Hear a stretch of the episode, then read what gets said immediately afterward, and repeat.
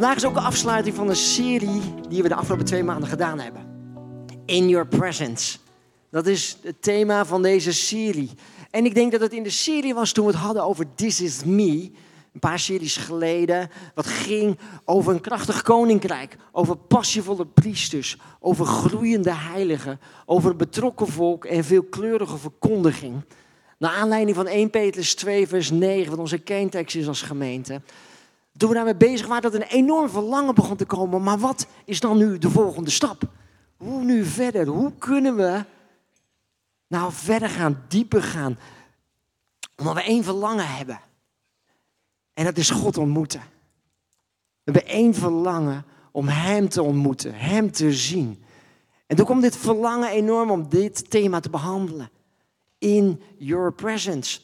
Een verlangen om te kijken van wat zou het zijn als we continu in zijn aanwezigheid zouden zijn?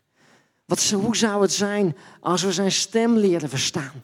Hoe zou het zijn als we dagelijks met hem kunnen wandelen? En ook praktische handvatten. Hoe doen we dat dan eigenlijk? Hoe versta je Gods stem? We hebben het gehad over Lectio Divina. Hoe kun je als onderdeel van je stille tijd de Bijbel leren lezen? Hoe kun je wat daar gezegd werd toepassen in je dagelijks leven? We hebben het gehad over hoe deel je je tijd nou goed in? Over amusement, ontspanning. En hoe zijn er momenten dat je God kan zoeken? Hoe, wat is oké? Wat is een juiste balans? Allemaal als onderdeel van het thema In Your Presence. En vandaag wil ik hem afronden. Volgende week gaan we beginnen met een nieuwe serie. Maar nu gaan we hem afronden van oké, hoe kunnen we dan nog kijken naar Gods woord, naar de Bijbel? Hoe kunnen we zijn woord lezen? En wat betekent het eigenlijk? En ik wil vandaag naar twee verschillende dingen eigenlijk kijken. En aan de ene kant is dat hoe kun je hem nou praktisch lezen? Gewoon wat, wat tips, wat handvatten. En aan de andere kant, Jesus is the center of it all. Want dat is het mooie ervan. En het irritante eigenlijk wel is, dat het moment dat je zegt, oké, we gaan het vandaag hebben over Bijbel lezen, dat de meeste van jullie gelijk zullen denken, oh ja, crap. Niet gedaan deze week. Of te weinig. Of misschien heb je het juist wel gedaan en dan denk je, oh, maar ik begreep er helemaal niks van. Wat, wat, wat bedoelen ze daar nou mee? Dus het hebben over zo'n thema direct brengt een bepaalde schaamte met zich mee. Ik zal niet de vraag stellen vandaag wie, steek even je hand omhoog, als je deze week niet in de Bijbel gelezen hebt. Ik zou het niet stellen, maar, maar het is eerlijk. En toch is er een bepaald verlangen, iets wat in ons zegt, oh ja, maar ik moet toch wel echt de Bijbel lezen. Weet je, kijk, we kennen allemaal de term een schietgebedje doen.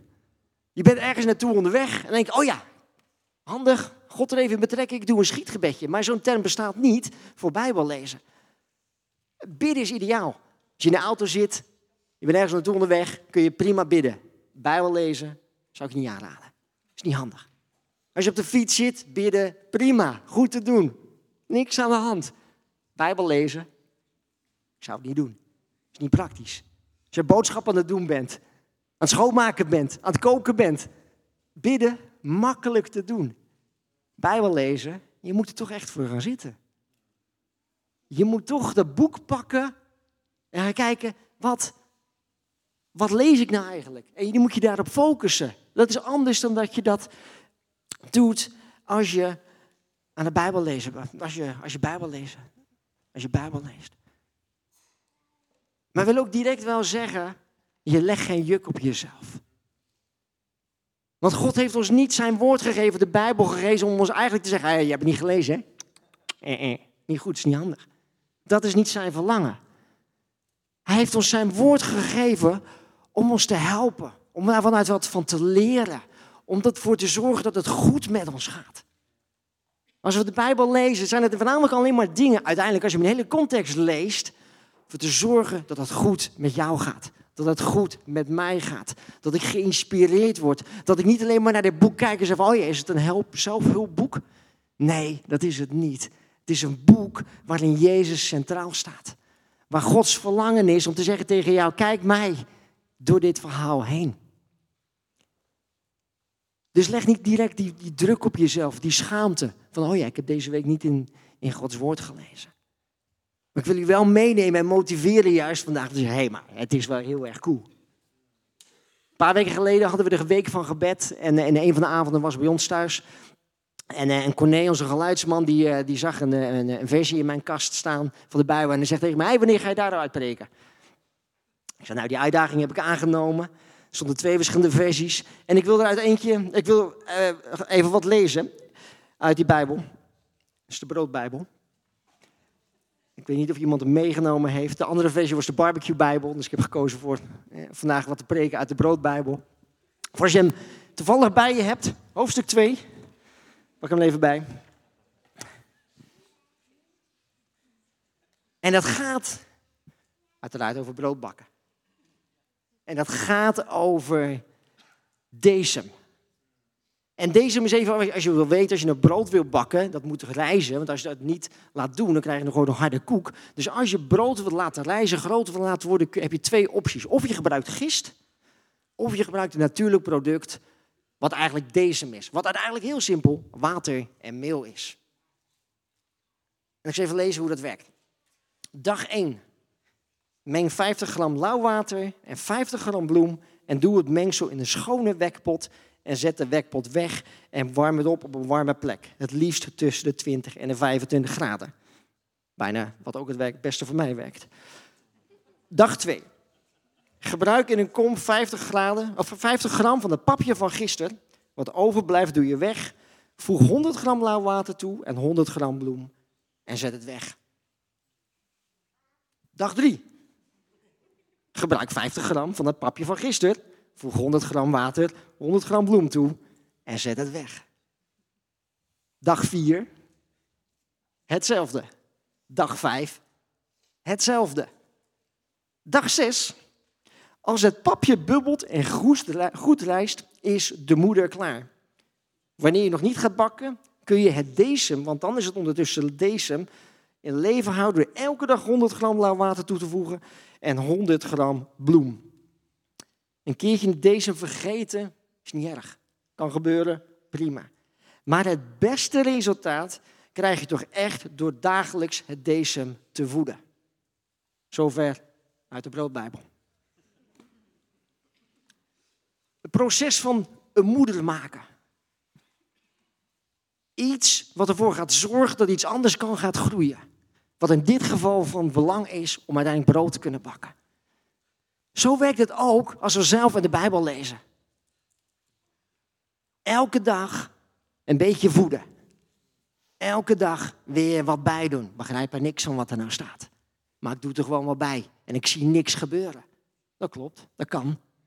Gebeurt bij deze ook. De volgende dag. Oké, ik doe dan niks weg uit de Bijbel, maar we voeden het opnieuw. Weer wat erbij. Weer wat erbij. De dag daarna weer wat erbij. Om uiteindelijk dat doel te bereiken op dag 6, dat het begint te borrelen. En ik weet uit eigen ervaring, als je elke keer opnieuw de Bijbel leest, dat het begint te borrelen. Dat je iets begint te zien. Zodat uiteindelijk dat brood kan gaan groeien. Zodat het gaat borrelen in je hart. Net zoals deze je helemaal niet ergens een dag niet in de Bijbel leest. Maar het is wel het beste om uiteindelijk dat brood te laten reizen. Dat brood te laten maken. Dat is het proces van deze. Dat is ook het proces wat het is, wat inhoudt als je gewoon de Bijbel leest.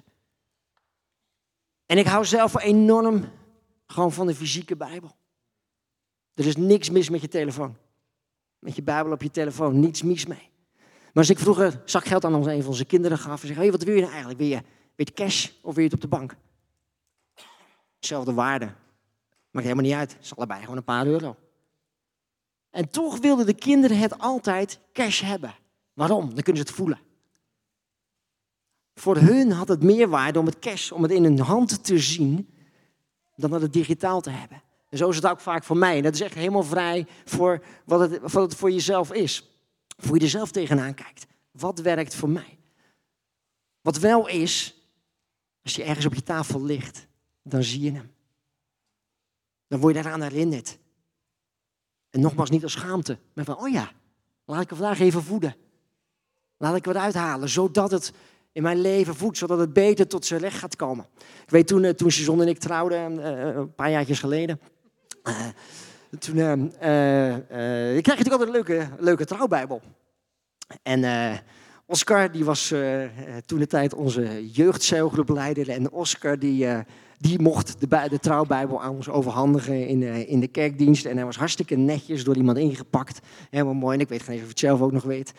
Um, en Oscar is aan de beurt en die mag de trouwbijbel aan ons overhandigen. En het eerste wat hij doet, dat mooi ingepakte bijbelboekje. Althans, je weet dat er een bijbel in zit, maar mooi ingepakt, dat cadeautje. En het eerste, nou, ik mag jullie trouwbijbel overhandigen. En ik pak hem uit. Dus hij gaf hem niet ingepakt aan ons, maar hij pakte hem uit. En ik nou, lekker bedankt. En zegt, maar, hij zegt, een Bijbel moet je niet ingepakt hebben. Een Bijbel moet je uitpakken. Een Bijbel moet je uitgepakt hebben. Die moet je bestuderen, moet je bekijken. Moet je niet ingepakt laten zijn. En met die opdracht stuurde hij ons eigenlijk ons huwelijk in. Ons huwelijk in. Laat de Bijbel niet ingepakt liggen, maar unpack het. Onderzoek het. Neem het mee, zodat het je voedt in je dagelijkse leven. Dat is wat we mogen doen. Niet laten liggen, niet ingepakt laten zijn. Maar hoe doe je dat nou? Kijk, heel praktisch, de Bijbel als je hem wilt lezen, in 72 uur kun je hem helemaal uitlezen. Van Genesis 1 tot en met openbaringen. Dat je normaal gesproken denk je, oh wacht, de Bijbel helemaal lezen in een jaar, echt niet, zo hartstikke veel. Maar als je het bedenkt in minuten, 72 minuten, denk je, nou, als ik uh, vrijdagavond begin, het hele weekend doorga, dan kun je me uit hebben. Als je in een oké tempo wil lezen, 12 minuten per dag. Dan heb je de Bijbel in een jaar gelezen. En ik begrijp, voor een heleboel mensen is lezen lastig. Dus je kunt er ook langer over doen. Maar in de basis is dus een Bijbel lezen niet een hele grote klus. Als je gewoon puur leest. Je hoeft hem niet direct te begrijpen. Je hoeft niet alles te begrijpen wat daar, wat daar staat. Ik wil ik zal even een paar praktische tips geven van hoe moeten we nou de Bijbel lezen. Voordat we het gaan hebben over Jesus is the center of it all. En naast die twaalf minuten per dag of, of het schema wat je zelf wil aanhouden om te lezen, is puur om te lezen, wil ik je nog iets laten zien van hoe kun je nou wat diepere studie doen eigenlijk naar de Bijbel. En het gaat een beetje te veel tijd kosten om daar in de diepte in te gaan. Dus ik wil u wel even die paar stappen laten zien. En over een paar weken ga ik gewoon op een zondagmorgen na de dienst in een uurtje. Voor de mensen die dat willen, hier in een lokaaltje, gaan we één Bijbelboek pakken en gaan we dat doen. Gaan we een klein Bijbelboek pakken, dan weet je dat alvast. Maar gewoon wel praktisch voor die er niet bij kan zijn om gewoon even gemotiveerd te worden. Hoe kan ik nou Gods woord lezen? Een paar praktische dingen. En één begint niet met de Bijbel zelf, maar begint met gebed.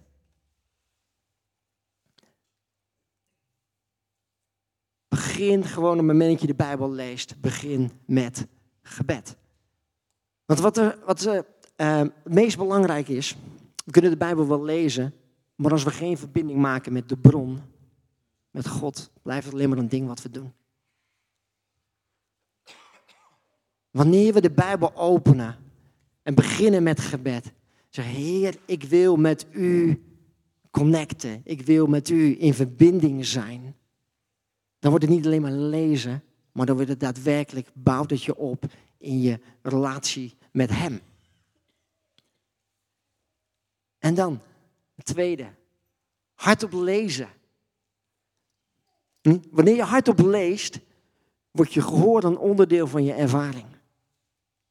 Onderzoek wijst uit dat op het moment dat je iets hardop uitspreekt, er automatisch in je hersenen gebeurt waardoor je dingen beter opslaat, je onthoudt, maar ook in je gevoel terechtkomen.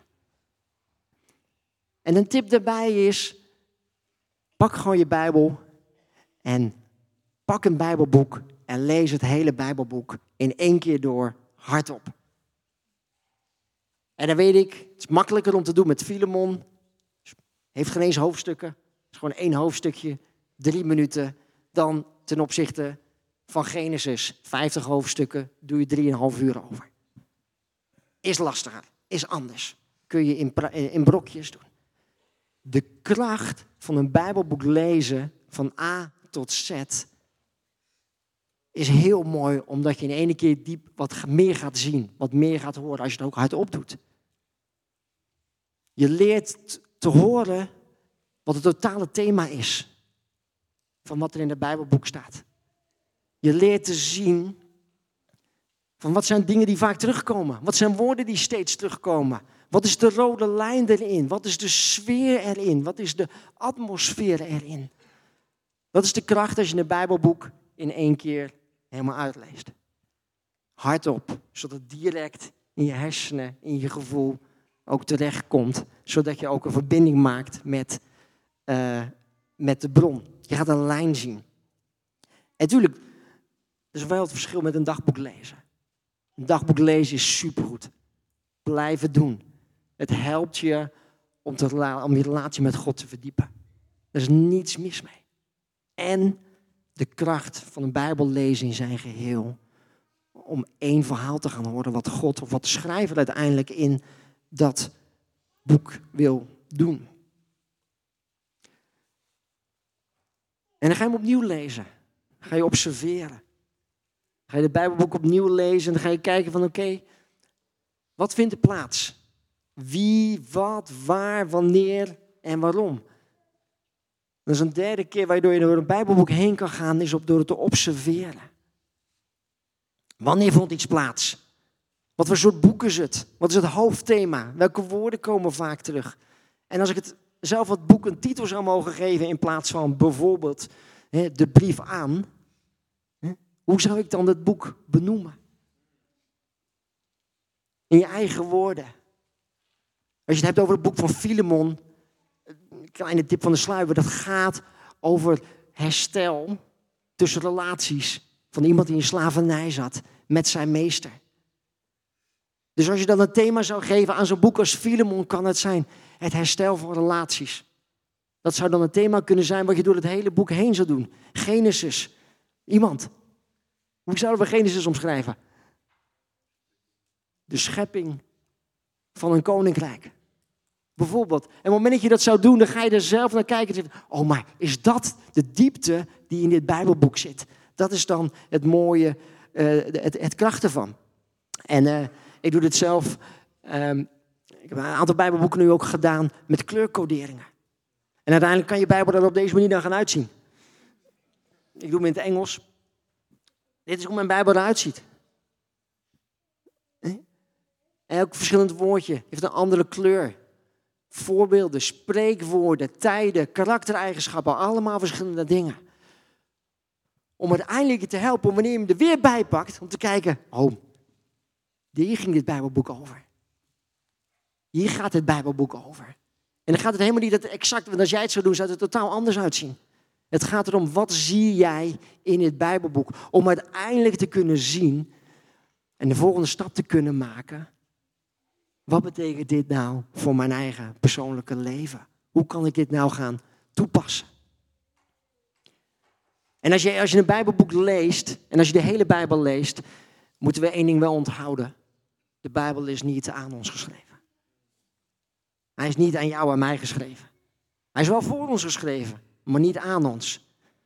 wanneer Paulus zijn brief aan de Galaten schreef, staat voor de gemeente in Galaten. Of wanneer Lucas het evangelie van Lucas schrijft. Beste Theophilus, geachte Theophilus. Komt nergens, komt naar woorden. En beste Marcel, deze brief is voor jou. Of aan de zeven gemeenten in, in Klein-Azië en Connectkerk. Dat staat er niet. Dus wat we in eerste instantie wel moeten doen, is moeten we kijken naar wie is deze gemeente geschreven. Waar was deze gemeente? Of überhaupt, de psalmen is aan niemand geschreven. Was een vorm van aanbidding naar God toe. Maar wat is wel de context van de schrijver? Waar was hij op dat moment? Wat was de culturele tijd? Wat gebeurde er? Was er oorlog? Was er vrede? Was er armoede? Was er hongersnood?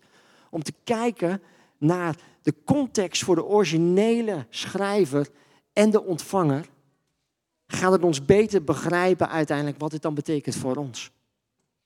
Want ja, hij is dan niet aan ons geschreven, maar hij is wel voor ons geschreven ook. Dus wat we hoeven niet alleen maar te zeggen, ja, maar dat was voor toen. Dat klopt. En wat voor nu? Want dat is wat we uiteindelijk mee mogen doen. We gaan kijken hoe kunnen we dit nou toepassen in ons eigen leven. En daar we zeggen, weet je, het zijn een paar praktische dingen, praktische handvatten, wat je kunt helpen om uiteindelijk in Gods woord Hem te gaan ontmoeten. Want dat is het tweede ding waar ik naar wil kijken met jullie. Jesus at the center of it all. Kijk, ons thema is in your presence. Gods thema is in alles, is in your presence. Wanneer we de Bijbel in zijn geheel lezen, van Genesis tot en met de openbaringen, wanneer we zijn hart gaat zien, gaat het ten alle tijden over in zijn aanwezigheid zijn. En ik heb eh, anderhalf jaar geleden, ongeveer twee jaar geleden, een hele preek gehouden over Genesis 1 en 2. Over het hele verhaal van God door heel de Bijbel heen. En ik wil er kort iets nog over zeggen over Genesis 1 en over Genesis, ja, over Genesis 1 en 2.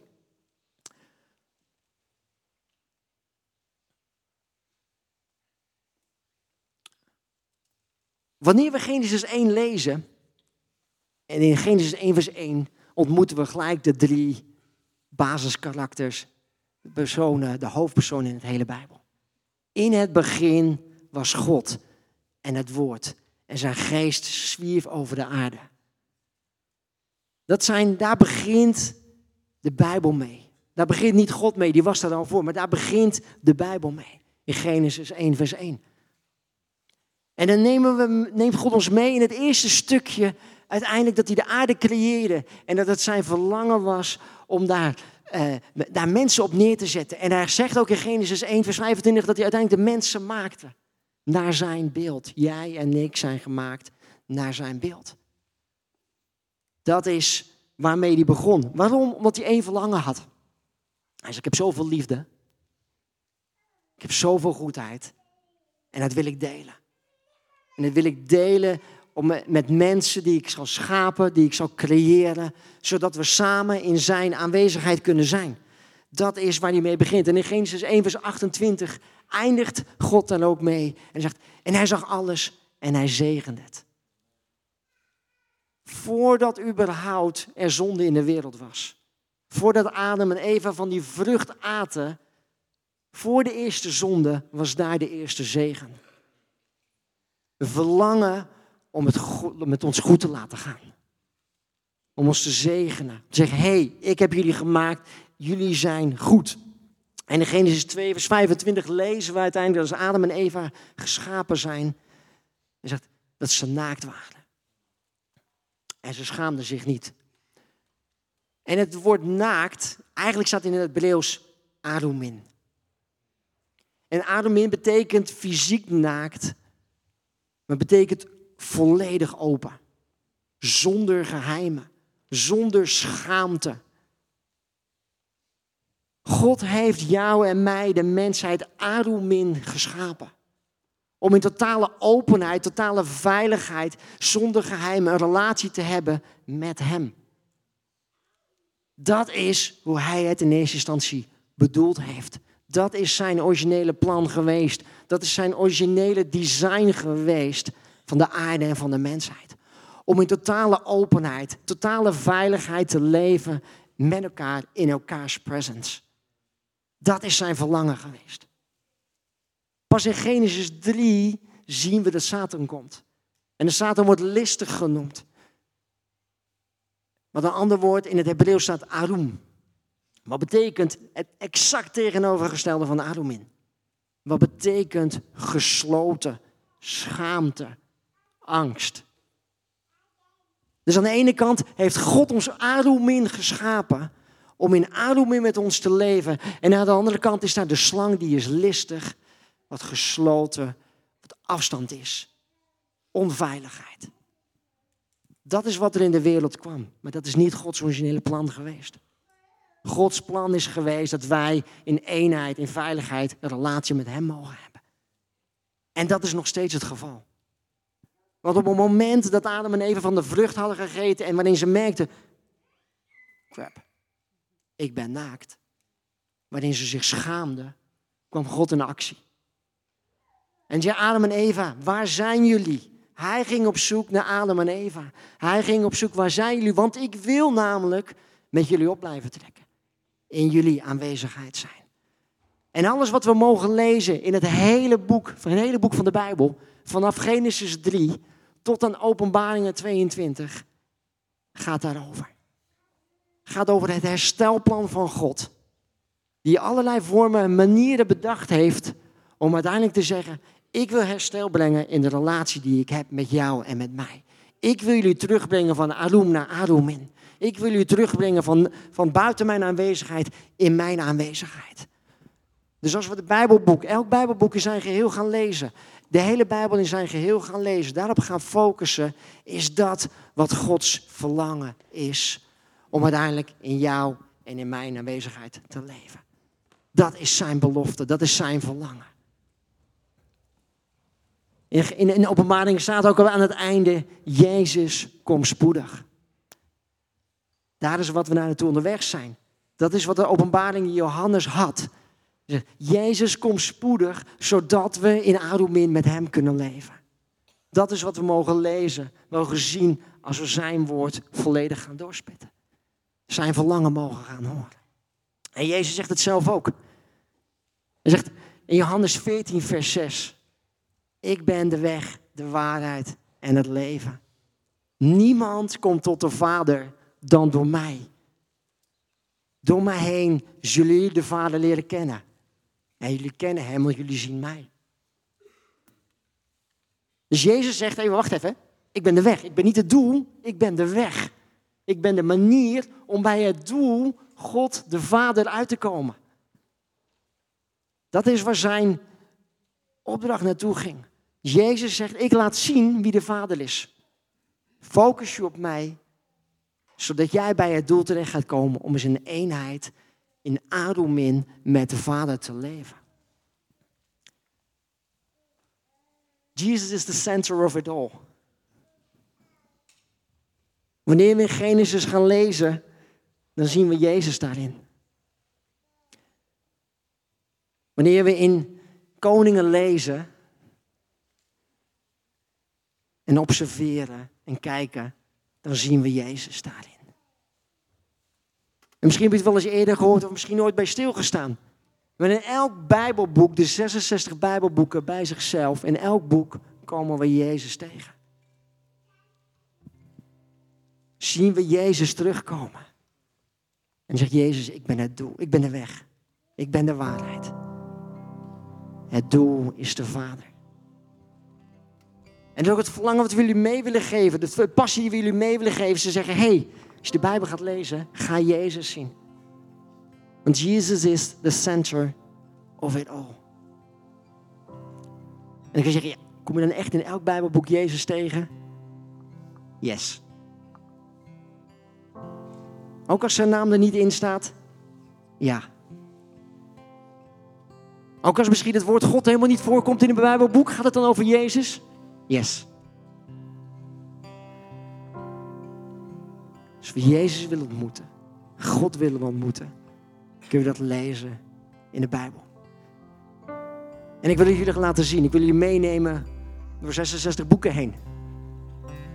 Gaan we dan 72 uur lezen nu? Nee. Gaan we niet doen. De taart wacht. En toch wil ik jullie meenemen door 66 boeken heen. Want ik merk hoe meer ik me daarvan bewust ben. Dat ik Jezus tegenkom in Genesis. Dat ik het nog beter begin te begrijpen. Nog meer begin te voelen. Nog meer begin te zien wie God is. En wat zijn doel is. Met het verlangen om ons terug te brengen naar Adomin. Naar het originele plan van Genesis 1 en 2. Dus ik wil met jullie 66 boeken doorgaan. En je hoeft ze niet allemaal op te schrijven, je hoeft niet mee te schrijven. Ik zal later vandaag in de app, Connect app, zal ik een pdfje downloaden. Gelijk stimulans als je de app nog niet hebt. En je wilt het documentje wel hebben. Alleen ik aangeef, of waar ik aangeef, waarin beschreven staat hoe we Jezus ontmoeten in elk Bijbelboek. En uiteindelijk daarin ook de Vader. Zijn jullie klaar voor? Ja? Of klaar voor taart? Ja, meer amen word ik. Ja, amen, amen. Je mag ook amen roepen zo meteen hoor. Als we Jezus gaan ontmoeten in het Bijbelboek. En ik hoop dat je het gaat voelen. Gaat zien. Gaat omarmen. Dat het begint te borrelen. Dat je misschien op dag 4 zit. Misschien al op dag 6. Van het proces van deze. In Genesis ontmoeten we Jezus als de schepper. In Exodus ontmoeten we Jezus als de bevrijder. In Leviticus ontmoeten we Jezus als de hoge priester. In Numeri ontmoeten we Jezus als de ware wolk en vuurkolom. In Deuteronomium als de wetgever. En in Jozua ontmoeten we Jezus als de kapitein van de hemelse legers. In Richteren ontmoeten we Jezus, de goede en rechtvaardige rechter. In Rut als de bloedverwant verlosser. In 1 en 2 Samuel ontmoeten we Jezus als de betrouwbare profeet. En in 1 en 2 Koningen ontmoeten we Jezus als de koning der koningen. In 1 en 2 Kronieken ontmoeten we Jezus als de koning van de hemel en de aarde. In Ezra ontmoeten we Jezus als de tempelhersteller. In Nehemia als de hersteller van alles wat kapot is. In Esther ontmoeten we Jezus als de koning die ons leven redt. En in Job ontmoeten we Jezus als de Allerhoogste.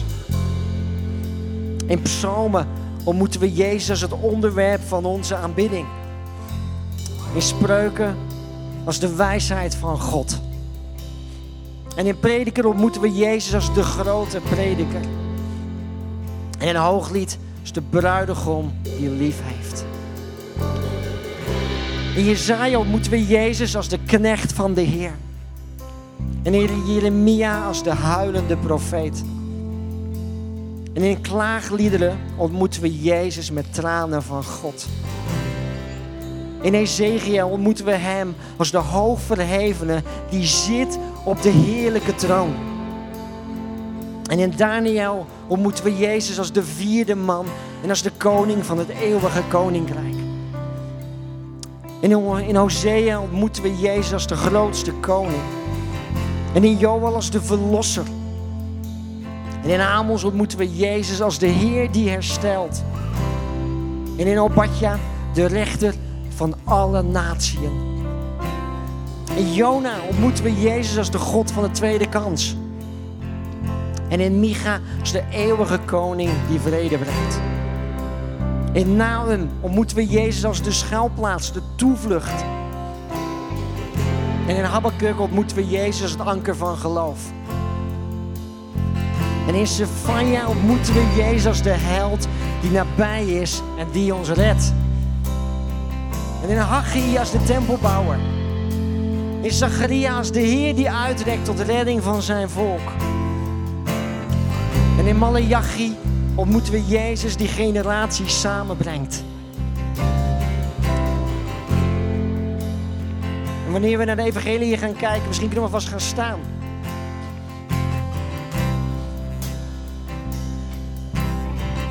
Want we zijn nog niet klaar om Jezus te ontmoeten. Te voelen wat Gods woord tegen ons zegt. Ontmoet mij in mijn woord. Want in Matthäus ontmoeten we Jezus als de Messias.